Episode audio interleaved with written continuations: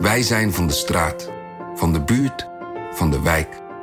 Wij zijn van heel Nederland. Samen zorgen we voor vrolijkheid, verbinding, feest. Samen brengen we in één jaar tijd 349 miljoen euro bij elkaar. Miljoenen waarmee onze goede doelenpartners de wereld groener, gezonder en rechtvaardiger kunnen maken. Nationale Postcode Loterij. Samen voor een betere wereld. Hallo, mijn naam is Lucas Brouwers en ik maak de podcast Onbehaarde Apen. Net als Haagse Zaken een podcast van NRC, maar dan over wetenschap. En net als Haagse Zaken zijn wij genomineerd voor de BNR Podcast Award. En wat zou het leuk zijn als we die zouden winnen? Ga naar de site van BNR en ga naar de Podcast Awards. En daar kun je op ons allebei stemmen. En uh, als je over wetenschap wil horen, dan moet je ook vooral een keertje luisteren als je van alles wil weten over muggen, dementie, kindoffers en nog heel veel meer. Misschien tot dan. Dit is Haagse Zaken van NRC. Mijn naam is Lemia Aharwa. Even afhankelijk van hoe oud je bent, maar over 30 tot 50 jaar ben je ons dankbaar dat je naar deze aflevering van Haagse Zaken hebt geluisterd. Want we gaan het hebben over pensioenen en over hoe die er in de toekomst uitkomen te zien. Er zijn nogal wat gesprekken in de polder over geklapt. Vakbonden, werkgevers, huidig kabinet, vorig kabinetten ook. Die praten er echt al jaren over.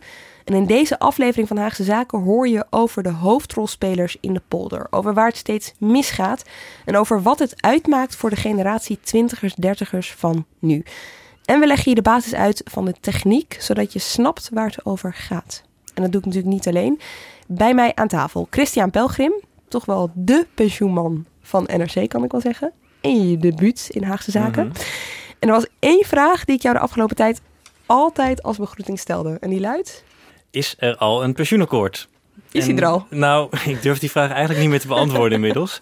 Want ehm, dat pensioenakkoord heeft er al heel erg vaak, heel erg bijna aan zitten komen. En het is zelfs al eh, vorig jaar bijvoorbeeld een paar keer gebeurd. Dan ging ik op vakantie voor een paar weken. En dan dacht ik van tevoren, laat ik toch maar even een paar mensen bellen. Van, komt er niet een pensioenakkoord aankomende week? En dan kan ik even gerust op vakantie. Je, je bent op vakantie geweest een paar keer, hè? Dus- Zeker, en er is niks gebeurd. Maar, ja, ik denk dat het nu toch wel kan gaan eh, losbarsten. Want nu wil minister Koolmees toch echt wel voor 1 juni het liefst eh, een akkoord bereiken. Ja, en waarom die deadline zo belangrijk is, daar gaan we het straks uitgebreid over hebben. Marieke Stellinga, jij volgt dit dossier al zo'n acht jaar. Ja, af en aan. En de vorige keer dat je hier aan tafel zat, toen werd je als enige eh, van eh, Nederland zo'n beetje eh, warm van de planbureaus van het Rijk. Is dat met pensioenen ook zo? Nee, ik moet hier altijd heel veel bij zuchten, vrees ik. Het is gewoon vreselijk ingewikkeld. Ik ben altijd heel geïnteresseerd in waarom iemand dit vindt of dat vindt. Als ik het dan ga uitzoeken en iedereen daarover ga bellen, dan zeg ik altijd aan het eind, nou ben ik echt in de war. Eh, je moet ongeveer een doorgewinterde accountant zijn om dit dossier echt goed te volgen. Dus ik heb grote bewondering voor mensen als Christian die dat met alle toewijding doen. Ja, en even Doe voor, de met liefde, duidelijk... even voor de duidelijkheid, aan het eind van deze aflevering hoef je geen accountant te zijn om te snappen, hè? Nee, dat hopen wij. Oké, Barbara Rijlaarsdam, ehm, jij volgt dit dossier sinds kort. We horen net van iemand die het acht jaar volgt, eh, dat ze er eigenlijk heel vaak nog steeds niks van snapt. Hoe ben jij je in gaan lezen? Heb jij, heb jij tips voor mensen die na deze aflevering ook denken, ja, ik wil eigenlijk snappen, nog meer weten over hoe het zit? Ja, de gouden tip is helaas niet beschikbaar voor de luisteraar, want eh, dat is dus Christian eh, Pelgrim. En, Zijn eh, stukken zijn wel beschikbaar. die zijn stukken zijn beschikbaar, maar ik heb een, eh, een eh, persoonlijk mini-college gekregen van Christian. En daar maakte hij ook allemaal hele duidelijke tekeningetjes bij. En daar heb ik heel veel aan gehad. En ik zit naast Marieke op de redactie, dus ik krijg de hele dag eh eh, jargontermen om mijn oren gesmeten. Dus dan, ja, dan gaat het best snel. Ik moet eerlijk zeggen, toen we besloten dat we het hierover gingen hebben, dacht ik wel eventjes bij mezelf, help. Want ik heb het idee, dat hebben jullie vast waarschijnlijk zelf ook wel, dat meer mensen dat hebben met pensioenen. Ik bedoel, denken jullie überhaupt na over je pensioenen? Barbara? Eh, zo min mogelijk. Oh. Ja, nee, ik, ik had het erover met Christian. Ik zei, ja, ik, ik kijk er eigenlijk niet naar, want ik vind het heel erg om te zien wat ik iedere maand afdraag voor mijn pensioen. En ik denk, ja, ik heb een vast contract eh, voor onbepaalde tijd. Dus eh, ik, ben, ik ben jong begonnen met werken, dus er is vast een pot geld voor als ik eh, ooit met pensioen ga. Groot vertrouwen in de overheid. Zeker. Marieke?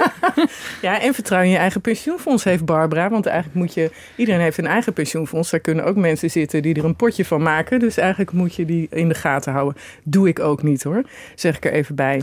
Ehm, ja, ik denk er wel over na. Maar eigenlijk heb ik heel lang geleden, ook omdat ik me met deze discussie bezig hou, en niet opgewonden wil raken, besloten dat er niet veel overblijft als ik met pensioen ga. Oh, dat heb je gewoon al voorgenomen. Ja, dat lijkt me een goede aanname, dan valt alles mee. Christian, sta je er net zo uh, optimistisch in? Nou, nee, dat is toch eigenlijk meer zoals Barbara erin staat. Dat ik dan toch denk, ik heb er wel, uh, wel vertrouwen in. En als ik zelf zou moeten gaan beleggen met mijn geld, dan ben ik bang dat het nog veel grandiozer misgaat dan als mensen dat doen die er, uh, denk ik, toch iets meer verstand van hebben dan ik. Ja, want het gaat echt om heel veel geld. Hè? ik begrijp, ja. als je fulltime werkt, dan werk je ongeveer één dag in de week voor je pensioen. Ja, dus in de pensioenpot van wat alle Nederlanders met elkaar gespaard hebben, zit dus ook 1500 miljard euro. Dat is echt gigantisch veel geld. Maar ja, je moet ook even bedenken, als je uh, na je AOW-leeftijd nog uh, 20 jaar of misschien uh, met een beetje geluk nog meer te leven hebt, dan heb je ook gewoon veel geld nodig. Ja, het is echt heel veel. Je kan je er geen voorstelling van maken hoe dat eruit ziet. Je, je kan tegelijkertijd denken, als het om zoveel geld gaat, waarom willen mensen er dan toch niet over nadenken? Daar kunnen wij eigenlijk helemaal niks aan doen. Want dat is gewoon hoe ons brein werkt. Mijn collega Petra de Koning heeft daar uh, een paar jaar terug een, een heel goed stuk over geschreven. Over de psychologie van de pensioenen. En daarin uh, staat bijvoorbeeld over een uh, Amsterdamse hoogleraar psychologie. Die ontdekte dat als jongeren over pensioen nadenken. dan denken ze niet aan golven of lange vakanties. maar aan armoede en de dood. Um, dat is gewoon de associatie die je in elk geval onderbewust maakt. Ja. En dan hebben ze bijvoorbeeld ook gekeken in een neurologisch onderzoek in de VS naar het brein van jongeren. Dan gingen ze kijken als die jongeren nou gaan nadenken over geld opzij leggen voor de toekomst. Mhm. Nou, dan blijkt dus dat hun brein dezelfde reactie vertoont bij geld opzij leggen voor de toekomst als bij geld geven aan een totale onbekende. Dus je kunt je daar gewoon geen voorstelling uh, van maken, blijkbaar. En dan denk je er maar niet over na. Want het zijn gewoon uh, ja, gedachten waar je niet graag bij stilstaat. Oeh, dat is een lastige. Uh, ja, pensioen. Ja, ik weet niet, dat verschilt per persoon wat je verdiend hebt. En de AOW is gewoon een vast bedrag. Even kijken hoor, 20 euro per maand. Ja, over het algemeen denk ik dat wij Nederlandse zaken wel redelijk goed geregeld hebben in vergelijking met andere landen. Als ik kijk naar, naar mensen die ik ken in hun pensioen, denk ik dat dat wel lukt, ja. Ik ken alleen mijn opa die met pensioen is, maar volgens mij heeft hij het wel goed geregeld. Christian, jij had het er net over dat je verwacht dat komende week de storm losbarst. Wat gaat er volgende week gebeuren? Ja, nou met een paar slagen om de arm, hè, daar had ik het net al over. Ja. Maar waarschijnlijk volgende week of de week daarna zal er toch wel echt weer uh, onderhandeld worden en een pensioenakkoord worden bereikt. Of definitief, dat het definitief strandt. Laten we beginnen gewoon. Alle vragen mogen gesteld worden in deze podcast, hoe uh, dom ze misschien ook klinken. Dus ik begin ook met de vraag, als we het hebben over het pensioenakkoord, waar hebben we het dan eigenlijk over? Ja, nou, deskundigen zeggen al heel erg lang, en, en kabinetten ook, dat het aanvullende pensioen een opknapbeurt nodig heeft. En aanvullend pensioen betekent dus het pensioen waar werknemers zelf voor sparen... voor bovenop de AOW-uitkering. Ja, de AOW is een basisbedrag en je, je spaart zelf om dat aan te vullen. Precies. En, en dat je... zijn dus mensen in loondienst. Dat is ook belangrijk. Precies. Nou, en waarom werkt dat pensioen dan, uh, dan niet goed? Er zijn eigenlijk een, een heel, heel, veel redenen voor. Maar de belangrijkste zijn toch wel dat we nu te maken hebben met uh, dubbele vergrijzing. Dus niet alleen worden mensen steeds ouder, maar er zijn ook meer ouderen. En dubbele ontgroening. Er zijn dus minder jongeren die er tegenover staan. Maar ze beginnen ook later met pensioen opbouwen. Nou, dat trekt de verhoudingen in het pensioenstelsel krom. Waarom is dat, Christian? Omdat ze langer studeren? Ja, en ook omdat ze langer bijvoorbeeld flexbanen hebben, als ZZP'er werken, als uitzendkracht en op die manier geen pensioen opbouwen. En dan is ook nog eens sinds de crisis de rente heel laag en daar kan ons pensioenstelsel ook heel slecht tegen. Oké, okay, dit, zijn, uh, dit is zeg maar uh, probleem op probleem, zou je kunnen zeggen. Ja. Terwijl je vaak hoort dat ons pensioenstelsel het uh, beste is van de hele wereld. Ons stelsel is nog steeds het beste van de wereld. Dan gaan we nu praten over het verbeteren van het beste pensioenstelsel ter wereld. Kijk, we hebben het beste pensioenstelsel van de wereld en Europa heeft zich er nooit mee bemoeid. Het stelsel is zelfs uitgeroepen tot het beste ter wereld. Het gaat om het afbreken van het mooiste pensioenstelsel ter wereld. Het, st het stelsel is zelfs uitgeroepen tot het beste ter wereld. Inderdaad, volgens allerlei onderzoek nu behoort tot het beste van de wereld. We hebben in Nederland een bijzonder probleem. We hebben het beste pensioenstelsel van de wereld. De combinatie pensioen-AOW is geweldig. Nou, Christian, als ik dit zo hoor, denk ik niks aan de hand. Ja, uh, maar weet je wat de belangrijkste reden is dat Nederland zo'n goed pensioenstelsel heeft? Dat is dat uh, alle andere landen een nog veel slechter pensioenstelsel hebben. Oh. Um, en dat komt eigenlijk vooral omdat we dus die AOW hebben als basispensioen. Daar zorgt de staat voor. via de staatskas. En daarbovenop heb je dus dat aanvullende pensioen, waar, dat waar we zelf voor sparen en dat op de beurs belegd wordt. En dat heeft allebei, allebei de stelsels hebben hun eigen risico's en hun eigen voordelen. En die combinatie die is gewoon uniek in de wereld. Ja, en dat sparen, dat zelfsparen, dat doe je dus eh, via een pensioenfonds als je in loondienst bent. Ja. Ehm, hoe werkt dat precies? Ja, de, de meeste werknemers die zijn automatisch aangesloten bij een pensioenfonds, verplicht zelfs. Ehm, en dat komt dan omdat zo'n pensioenfonds is verbonden aan je bedrijf of nog groter aan je hele bedrijfstak of je beroep. Dus de ABP bijvoorbeeld voor ehm, eh, Ambtenaren. ambtenaren. Ja, en voor het onderwijs, dat is het grootste pensioenfonds van Nederland. Ja. En bijvoorbeeld ook pensioenfonds Zorg en Welzijn, dat is het ene grootste pensioenfonds. Het gaat ook voor, voor heel veel mensen die in de zorgsector werken. Nou, dan wordt een deel van je salaris gaat eigenlijk gewoon automatisch, daar zorgt je werkgever voor, naar dat pensioenfonds. Daar komt het in een hele grote pot terecht. En vanuit die pot wordt jouw pensioengeld samen met dat van andere werknemers belegd in aandelen, vastgoed en nog veel meer. Zodat het, als het goed is, meer waard wordt. En dat deel van je loon, hè, is dat een vast bedrag? Ja, dat wordt afgesproken in de CAO, de arbeidsvoorwaarden, waar dan ook weer de vakbonden meestal over onderhandelen met de werkgevers. En die bepalen dan, die kijken vooral hoeveel pensioen willen we dat iemand in de toekomst heeft. En dan gaan ze terugrekenen hoeveel premie er dan nu betaald moet worden om dat toekomstige bedrag te halen. Maar dat is heel mooi gezegd. Maar in de praktijk blijkt vooral sinds de crisis dat het eigenlijk niet waar te maken is. Want die toekomstige toezegging, dan moet je vaak zo'n hoge premie vragen om dat te gaan halen. En dan nog lukt het niet. Nee, en daarom is het idee om het nu andersom te gaan doen. Dus waar in het huidige stelsel heel erg wordt gerekend met wat je in de toekomst uitgekeerd krijgt, willen ze nu veel meer gaan kijken naar die premie. Daar vanuit gaan rekenen. Maar het moet allemaal wat flexibeler. Dus het kan iets hoger uitvallen aan het eind van het liedje of iets lager. Je hebt niet meer. Het was al nooit echt een belofte of een garantie, maar het wordt nog iets minder vaststaand. Oké, ik vraag me af, waarom is hier zoveel gedoe over? Je moet bedenken, de pensioenen staan al jaren stil. Als je werkt, krijg je ieder jaar een percentage erbij. Een klein beetje. Maar bij pensioenen gebeurt dat niet. Dus de ouderen die pensioen hebben, die zien de prijzen in de winkel de hele tijd stijgen. Maar hun inkomen blijft iedere maand hetzelfde. Dus zij houden minder geld over onderaan de streep. En dan heb je nu ook nog eens de situatie dat er kortingen dreigen. Omdat binnen het huidige stelsel allerlei regels, krijgen we het vast nog over. Maar dan eh, zijn er een paar fondsen die daar niet aan voldoen. En die moeten dan straks gaan ja, korten op de huidige pensioenen. Dus mensen die nu een pensioenuitkering hebben, die krijgen straks wellicht minder als er geen akkoord wordt gesloten. Ja, en dit is overigens allemaal voor mensen in loondienst waar we het tot nu toe over hebben gehad. Hoe zit het met ZZP'ers? Nou ja, dat is een van de grote redenen ook om op dit moment naar dat eh, pensioenstelsel te kijken. Je ziet eigenlijk dat de arbeidsmarkt in westerse landen zodanig verandert. Er komt steeds meer flexwerk, steeds meer ZZP'ers, zelfstandige werkne- werknemers.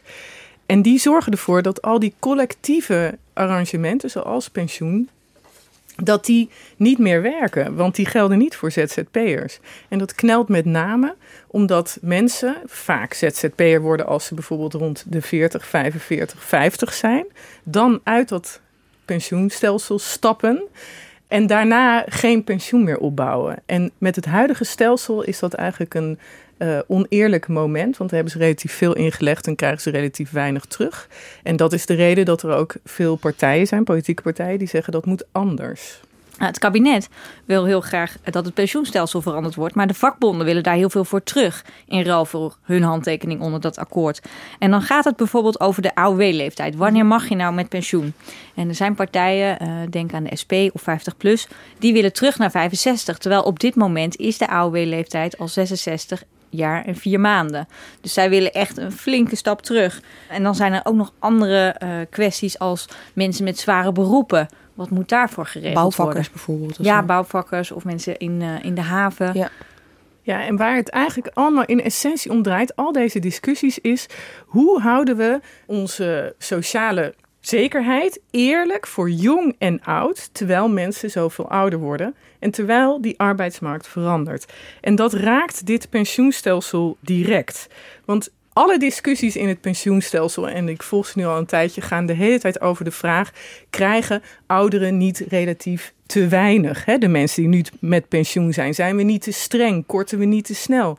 Of dreigen jongeren die nu nog niet eens geboren zijn of nog heel jong zijn of op school zitten, straks niet het kind van de rekening te worden. Of de jonge mensen die nu net zijn gaan werken. Precies, Dit- door zelf heel veel te moeten gaan betalen om die vergrijzing op te vangen en dan vervolgens zelf niet te kunnen innen. Exact. Dus wat zijn onze arrangementen, ons vangnet? Hoe zorgen we voor onze oude mensen? Hoe zorgen we voor onze werknemers? En hoe is dat eerlijk verdeeld tussen jong en oud?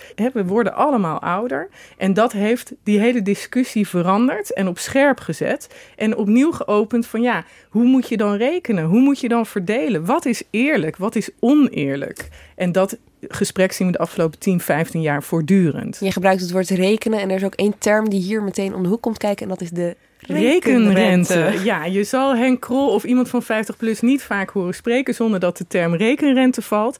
Het rekenen maakt uit voor hoe je die pot verdeelt tussen generaties. En die eh, rekenrente is iets waar dus bijvoorbeeld partijen zoals 50 plus, maar ook de vakbonden zich zeer over opwinden. Die is volgens eh, hun op dit moment te laag, oneerlijk laag. En daar moet eh, wat aan veranderen. Even terug naar die rekenrente. Want Marike, ik wil iets concreter snappen hoe het precies werkt. Ja.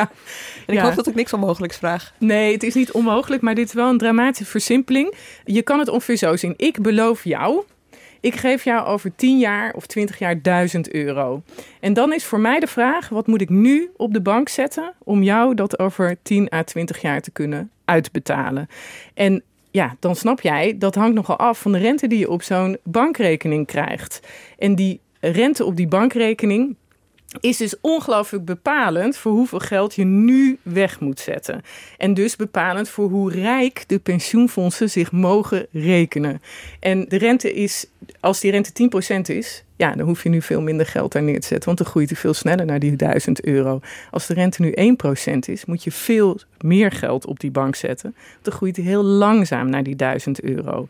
En dat is de essentie van deze discussie. Hoeveel moeten pensioenfondsen nu aanhouden als buffer, als wat ze niet mogen uitkeren, als pot voor later. En hoeveel mogen ze dan nog aan pensioenfonds, op dit, aan pensioenen op dit moment aan de ouderen uitkeren? Maar dat is toch niet helemaal te voorspellen? Nee. Je kan toch niet Nee. nu al voorspellen hoe het bijvoorbeeld over vijf jaar is? Nee. En dus is hier altijd eeuwig discussie over, over wat is nou de eerlijke rente waarmee je mag rekenen. Nou, economen zeggen dan vaak de marktrente. Want ja, elke andere beslissing die je neemt kan de een bevoordelen, de jongeren ten opzichte van de ouderen. Dat is altijd een besluit. Er zit heel veel vrees ook bij economen voor politieke beïnvloeding. Hè? Dus je doet het. De ouderen van nu voelen zwaarder voor een politicus. Hè? Degene die gepensioneerd zijn nu dan die generaties die net zijn begonnen op de arbeidsmarkt, de twintigers. Dus er is altijd vrees dat er een oneerlijke rente wordt gekozen. Maar ja, ook over die marktrente kan je discussiëren. Want er zijn er zoveel. Hè? Welke neem je dan precies? Nou, Marieke, ik had graag deze uitleg gehad toen ik eh, met Martin van Rooij in een radio-uitzending zat waar hij het voortdurend over de rekenrente had. En ik alleen maar een beetje glazig naar hem kon kijken.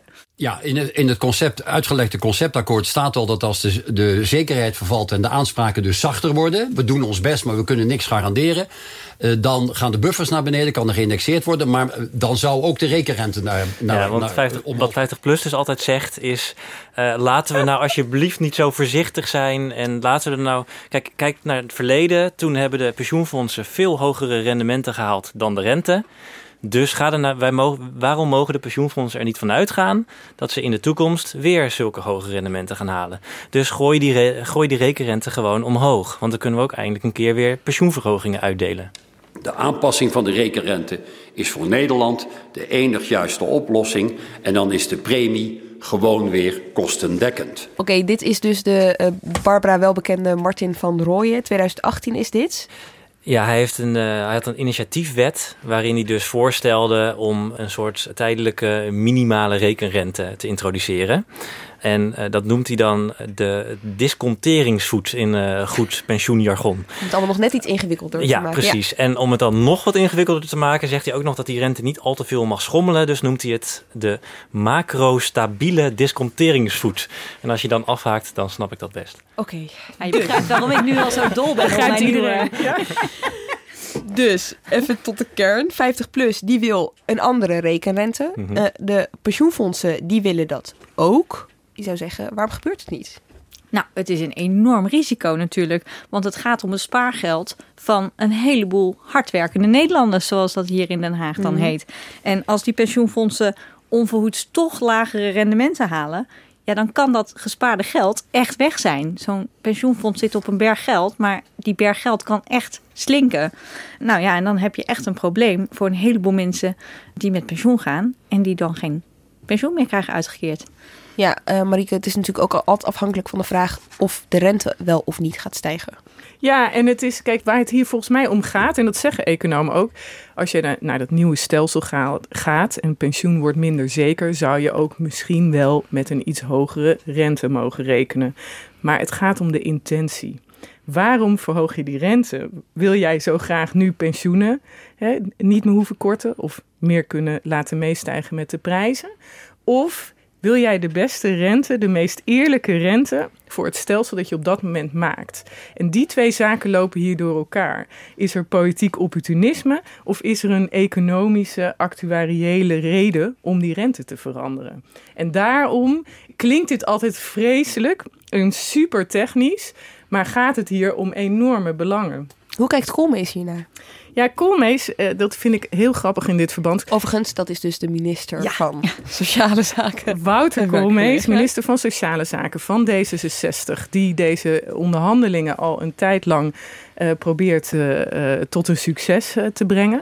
Ik ken weinig mensen die zoveel weten over het pensioenstelsel als Wouter Koolmees. Dus wat dat betreft zit hij op de goede plek. Eh, hij weet er echt heel veel van. Hij begrijpt het ook echt heel goed. En hij is een van oudsher, vanuit zijn partij, vanuit zijn denken, een hervormer. Hij wil dat pensioenstelsel wel hervormen.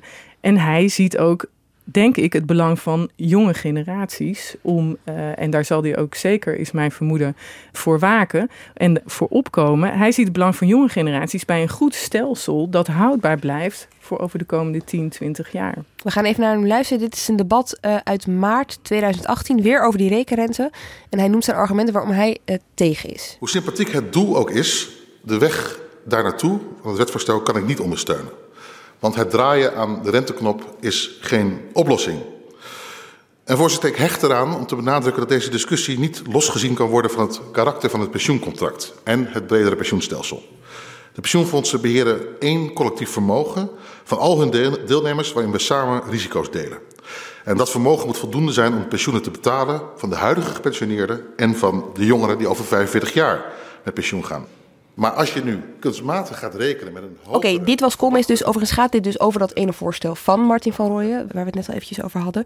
Wat kwam er uiteindelijk uit, Christian? Deze initiatiefwet is uiteindelijk in januari verworpen door de Tweede Kamer. Maar eh, dat wil niet zeggen dat, eh, dat 50PLUS nog steeds eh, zich hiervoor voor inzet. En nog steeds dus elke gelegenheid de kans grijpt om te zeggen dat ze de rekenrente omhoog willen.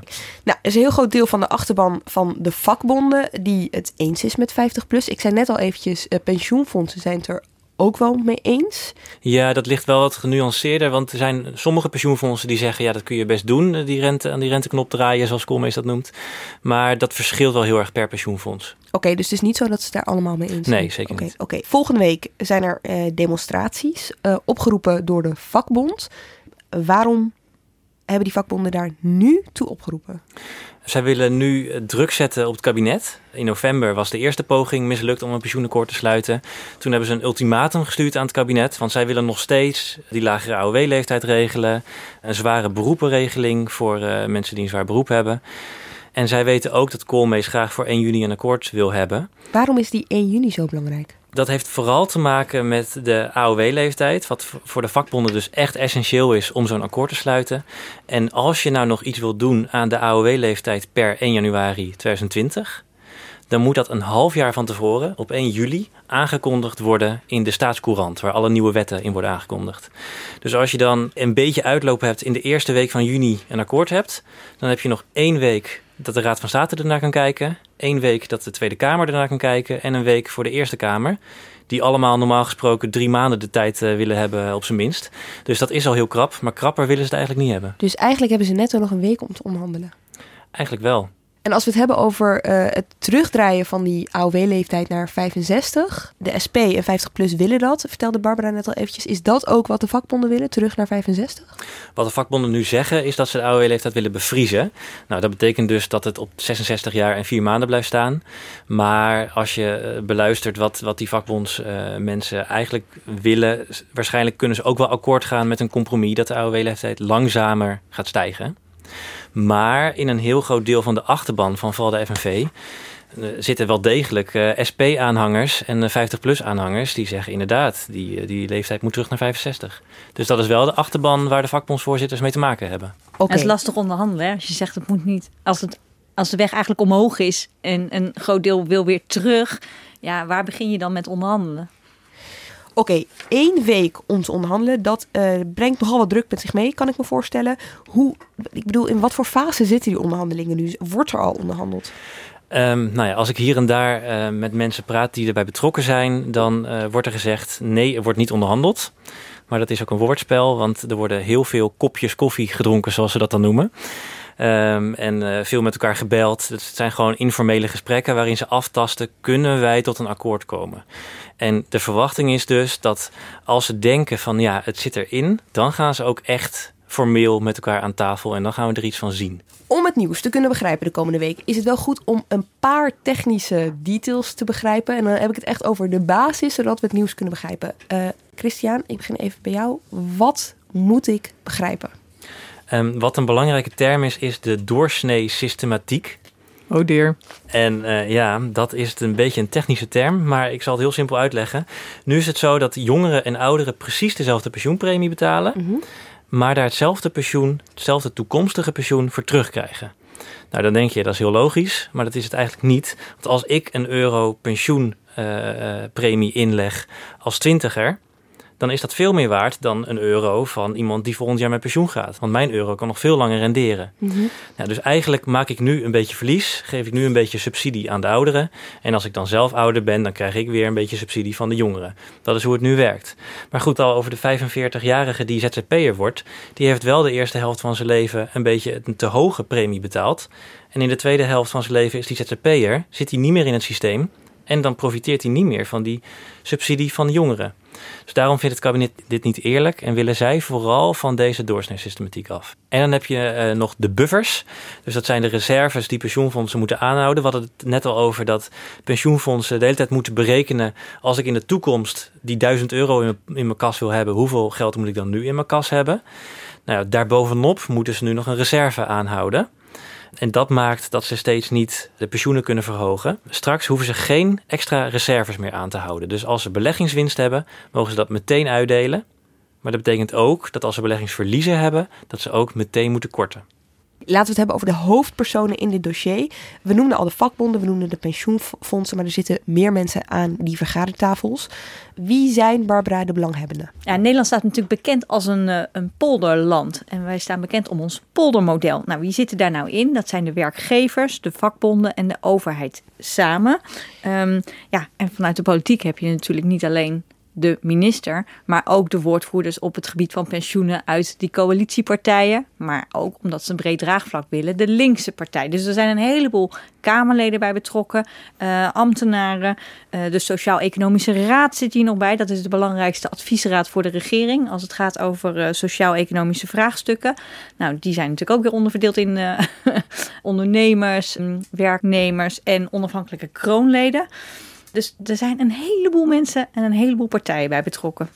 En als we het dan hebben over de vakbonden, Christian, dan hebben we het ook nog niet eens over één vakbond, maar over een paar. Precies, dan hebben we het over de grootste vakbond, de FNV. En dan hebben we het over CNV en over VCP. En in die laatste zijn er dan weer allemaal kleine vakbonden vertegenwoordigd. Mm -hmm. Maar de FNV is dan wel weer verreweg de grootste van die vakbonden. En dat is ook wel de spannendste vakbond uh, als het gaat om gaat uh, hun achterban hiermee akkoord. Oké, okay, dat zijn dus drie vakbonden waarvan één meerdere vakbonden uh, vertegenwoordigt. Spreekt zij dan met één mond? Ja, ze trekken echt met z'n drieën op. Al hebben ze natuurlijk hun eigen accenten, maar uiteindelijk publiekelijk en ook in onderhandelingen doen ze het samen. En ze hebben dan een paar belangrijke eisen. We noemden het al, die bevriezing van de AOW-leeftijd, of in ieder geval een langzamere stijging. En dus een oplossing voor mensen met zware beroepen, dat die eerder met pensioen kunnen. Ja, en hier moeten ze echt wat mee, hè? want dit gaat breder dan wat de vakbonden willen. Dit is echt wel een maatschappelijke kwestie. De AOW-leeftijd die gaat op dit moment snel omhoog. Hè? Dat is typisch Nederlands. Wij gaan er eerst tien jaar over discussiëren en dan doen we het op een hadza manier die bijna niemand heeft. Die AOW-leeftijd is in 2013 in het lenteakkoord omhoog gegooid. Maar op een vrij radicale manier. Hij gaat niet alleen naar 67, hij gaat daarna ook omhoog met de levensverwachting. Dus elk jaar dat wij langer leven, moeten wij in zijn geheel langer werken. En er zijn nu toch wel heel veel demografen, economen die constateren dat er gewoon een grote groep mensen is die dat niet haalt. Het is te lang. dat zijn mensen met zware beroepen. Nou, vroeger dacht je dan aan een stratenmaker. Tegenwoordig zijn het ook mensen met nachtdiensten. je hebt de 24 uur economie. Dus werk is niet minder zwaar geworden. Je moet één op één langer doorwerken. En dat knelt. Daar moet echt iets mee gebeuren. Dat wordt ook wel breder gezien. Maar als je het hebt over die halen het niet. Ik bedoel, dat klinkt een beetje cru, maar gaan die mensen al werken dood? Nee, maar ze, nou ja, dat zou ik natuurlijk kunnen. Maar het gaat vooral om hoe gezond haal je de pensioenleeftijd? Mhm. Val je daarvoor uit? Kom je in de arbeidsongeschiktheidsverzekering terecht? En dat is, die wordt ook soberder. Of hoe lang leef je nog nadat je de pensioenleeftijd hebt gehaald? En bij al die uh, categorieën constateren ze dat er een groep mensen is die het op dat dossier zwaar heeft. En dat je ook zou kunnen zeggen: we leven één jaar langer we werken daarvan een half jaar langer. Niet dat hele jaar. Dat zijn voorstellen die nu vanuit de economen ook klinken. Ja, jij zei net, Lemja, van uh, werken mensen dan tot ze doodgaan? Ja, zo wordt dat inderdaad uh, gezegd. Bijvoorbeeld tijdens een debat uh, in februari, waar SP Tweede Kamerlid Bart van Kent het volgende zei. Deze minister is alleen maar bereid om mensen te beloven dat ze eindeloos door moeten werken tot wel 70 jaar of 71 jaar soms door moeten werken tot ze bij neervallen of zelfs door moeten werken tot de dood. Christian, dan behalve die AOW is er ook nog een groot punt over die pensioenfondsen zelf. Ja, over die aanvullende pensioenen. Ja, want eh, natuurlijk willen de vakbonden heel veel terug in ruil voor hun steun om aan een nieuw soort aanvullend pensioen mee te werken.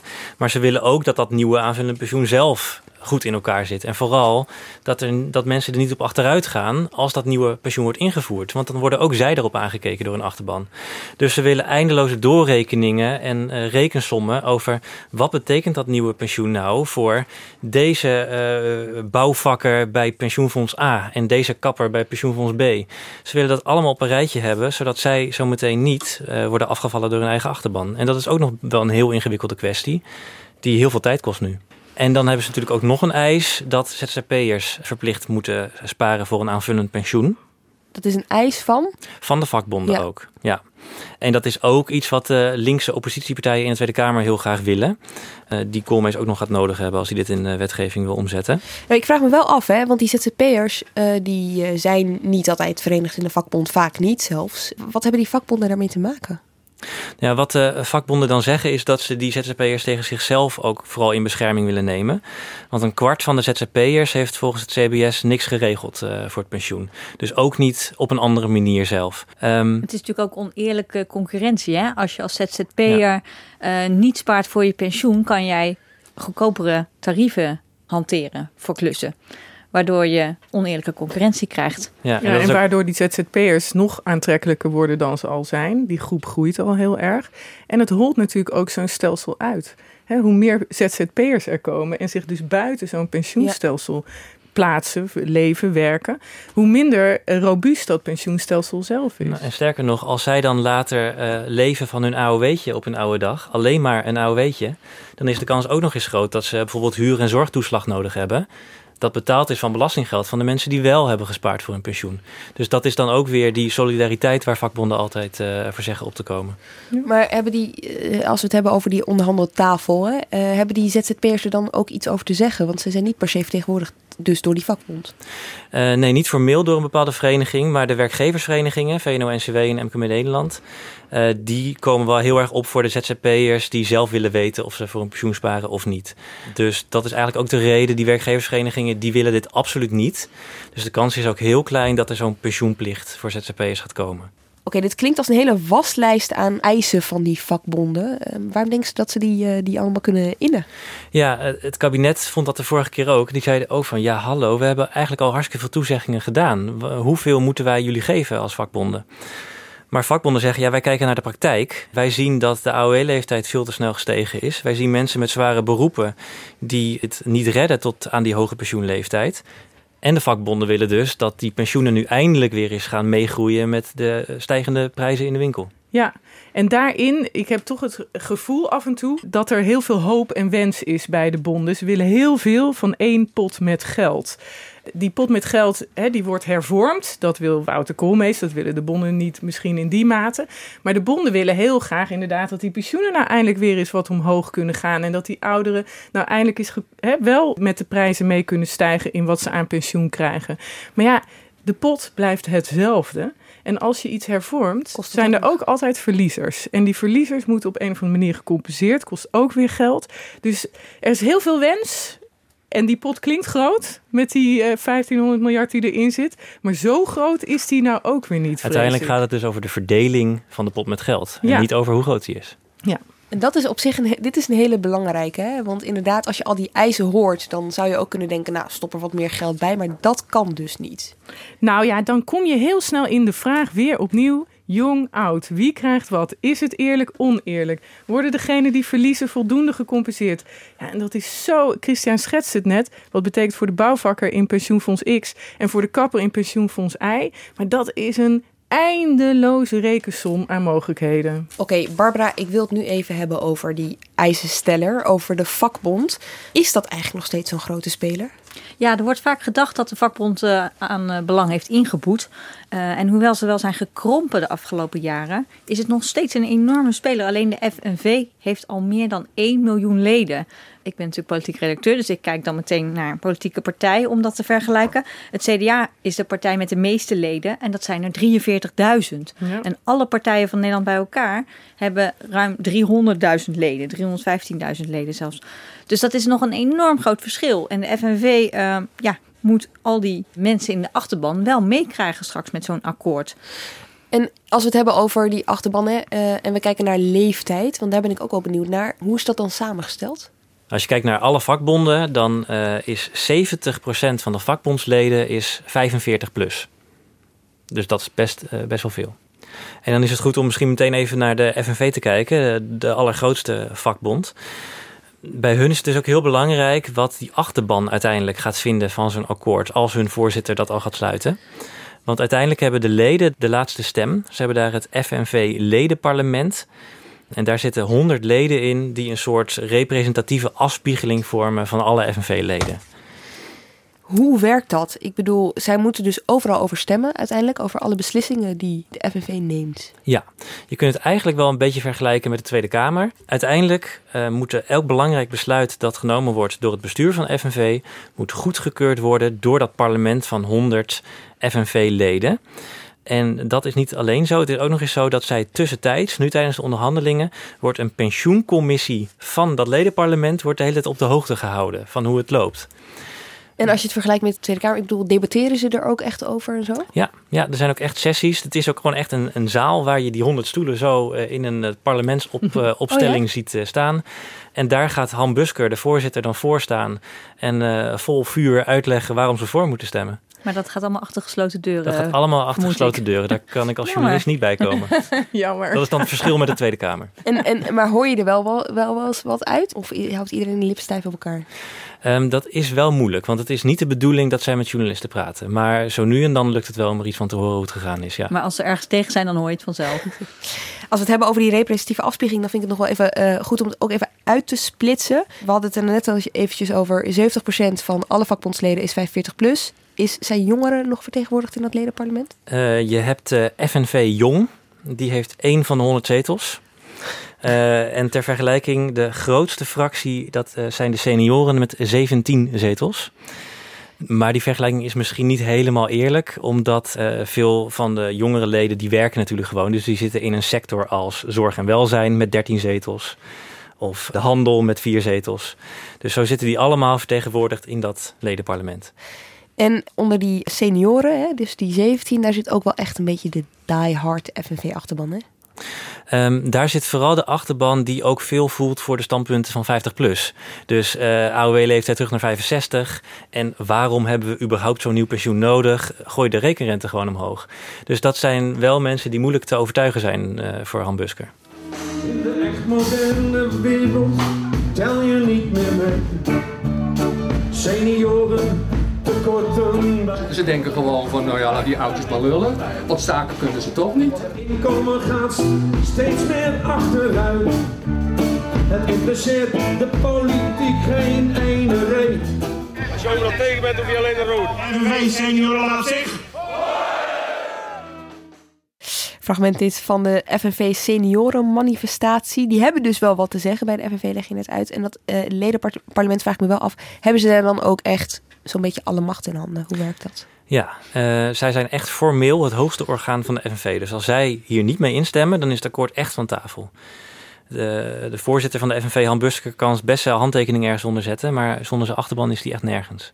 Uh, ja, wat ik hoorde in de gesprekken die ik voerde, is dat Han Busker op een gegeven moment ook best wel stevig positie kan innemen tegen dat ledenparlement. En kan zeggen: Ja, jongens, als jullie hier niet mee instemmen, dan stap ik op. Want hij is natuurlijk ook beperkt in wat hij uh, voor elkaar kan boksen.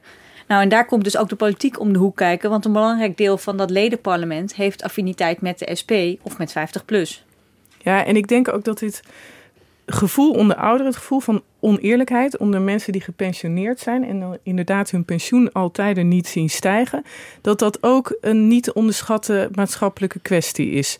De afgelopen jaren is het optimisme onder mensen die ouder zijn, gepensioneerd zijn, veel meer gedaald dan onder andere groepen in de samenleving. En dat is ook niet gek, want zij kunnen niet zoveel meer. Hè? Wij kunnen nog, als je werkt, een andere carrière, een cursus, je kan jezelf verbeteren, een nieuwe baan vinden. Je hebt mogelijkheden. Maar als jij gepensioneerd bent, ja, dan wacht je op je pensioen. En verder heb je niet heel veel manieren om je inkomen te verhogen. En dat maakt dat daar de onvrede eh, wel degelijk aanwezig is. En die onvrede zie je ook bijvoorbeeld bij de stijging van de energierekening, die ouderen dan best hard kan raken. Ja, en toch vraag ik me af, uh, die vakbonden die zetten dus best wel druk. Nou, ik ben eind 20. Uh, eh, jij hebt het nu over die ouderen. Nou, die zijn best, hoe noem je dat, gerepresenteerd door de vakbonden. Je hoort dat een partij als 50PLUS bijvoorbeeld zich daar heel streng tegenaan bemoeit. Maar wie vertegenwoordigt dan mijn stem? Ja, ik vind dat eigenlijk als ik kijk naar de afgelopen tien jaar, dat het mij uh, terugkijkend reuze meevalt hoe uh, opportunistisch eigenlijk politici hebben gereageerd op de oudere stem. Dus ik denk dat ze best goed het belang van jongeren in het oog hebben gehouden bij alle recente pensioenhervormingen, reparaties en weet ik veel wat ze allemaal wel niet hebben gedaan. En ik denk ook, wat ik al eerder zei, dat iemand als Koolmees dat, hè, dat is echt een hervormer. Ook vanuit het idee, we moeten het voor de toekomst bestendig maken. Dat die dat belang wel zeker vertegenwoordigt aan die tafels. Oké, nog één vraag, Christian, over uh, de vakbonden. Want we hebben het uitgebreid gehad over FNV. Nou, die hebben dus best wel veel uh, te maken met hun uh, actieve achterban, laat ik ja. het maar zo zeggen. Hoe zit dat bij CV en VCP? Hebben ja. die hetzelfde probleem? Ja, ja ook, ook die moeten hun achterban meekrijgen. Die moeten wel ermee instemmen. Maar de FNV heeft toch wel echt een moeilijkere achterban dan VCP en CNV. Daar zitten toch wat matige, meer matige leden die sneller zich laten overtuigen door hun voormannen, zeg maar.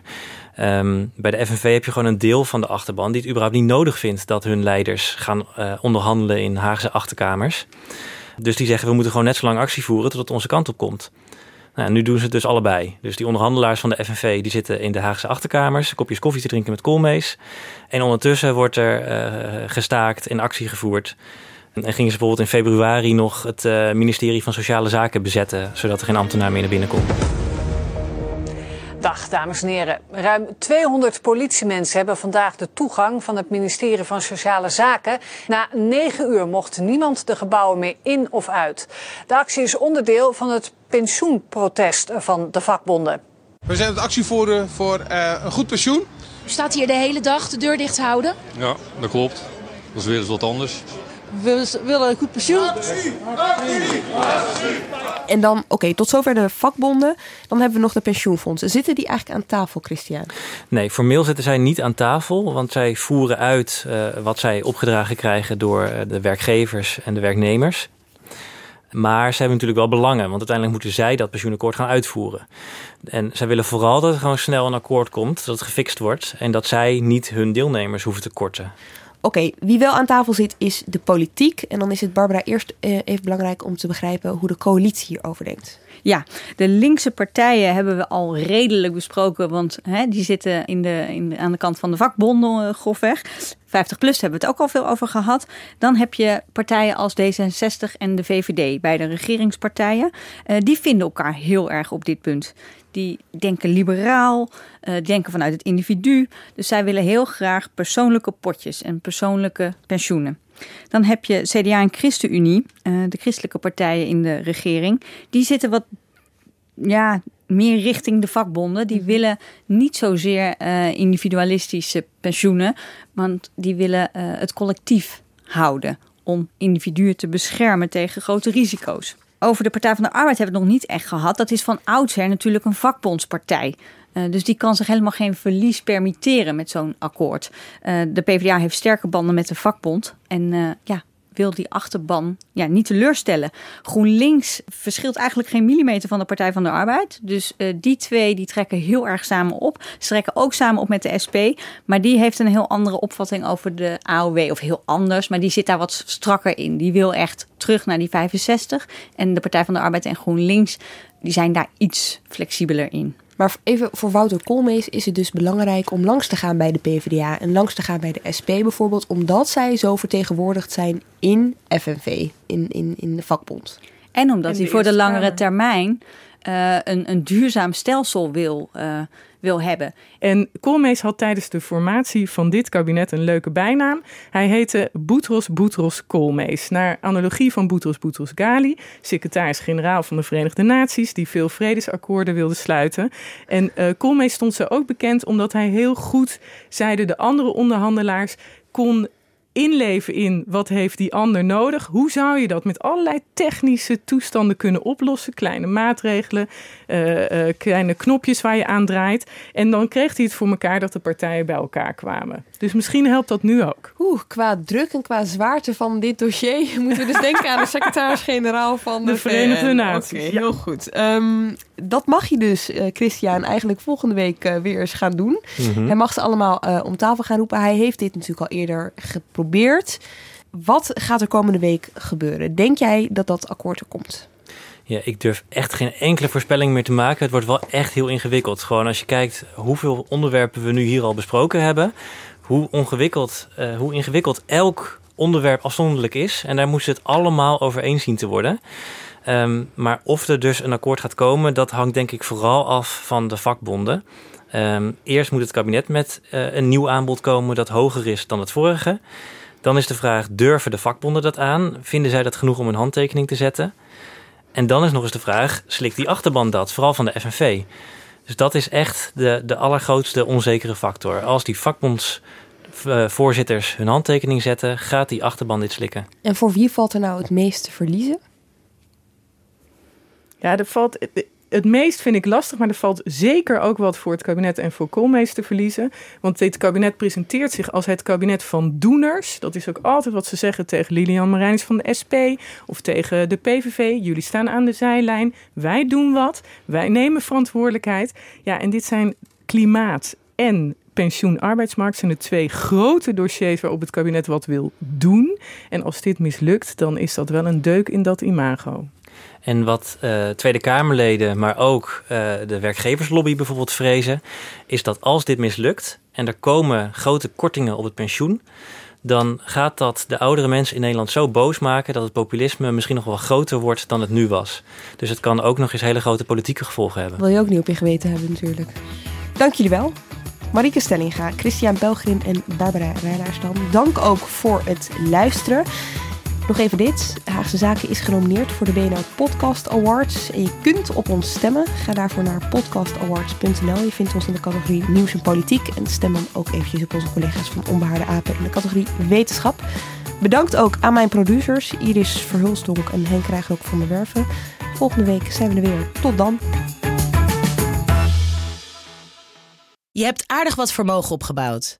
En daar zit je dan, met je ton op de bank. Wel een beetje saai, hè? Wil jij, als belegger, onderdeel zijn van het verleden of van de toekomst? Bridgefund is een slimme fintech die een brug slaat tussen de financiële behoeften van ondernemers en van beleggers. Dus wie belegt bij Bridgefund krijgt niet alleen een mooie vaste rente, maar brengt ook ondernemers in beweging. Echt waar, met die ton kan je zoveel betere dingen doen. Bridgefund. Make money smile.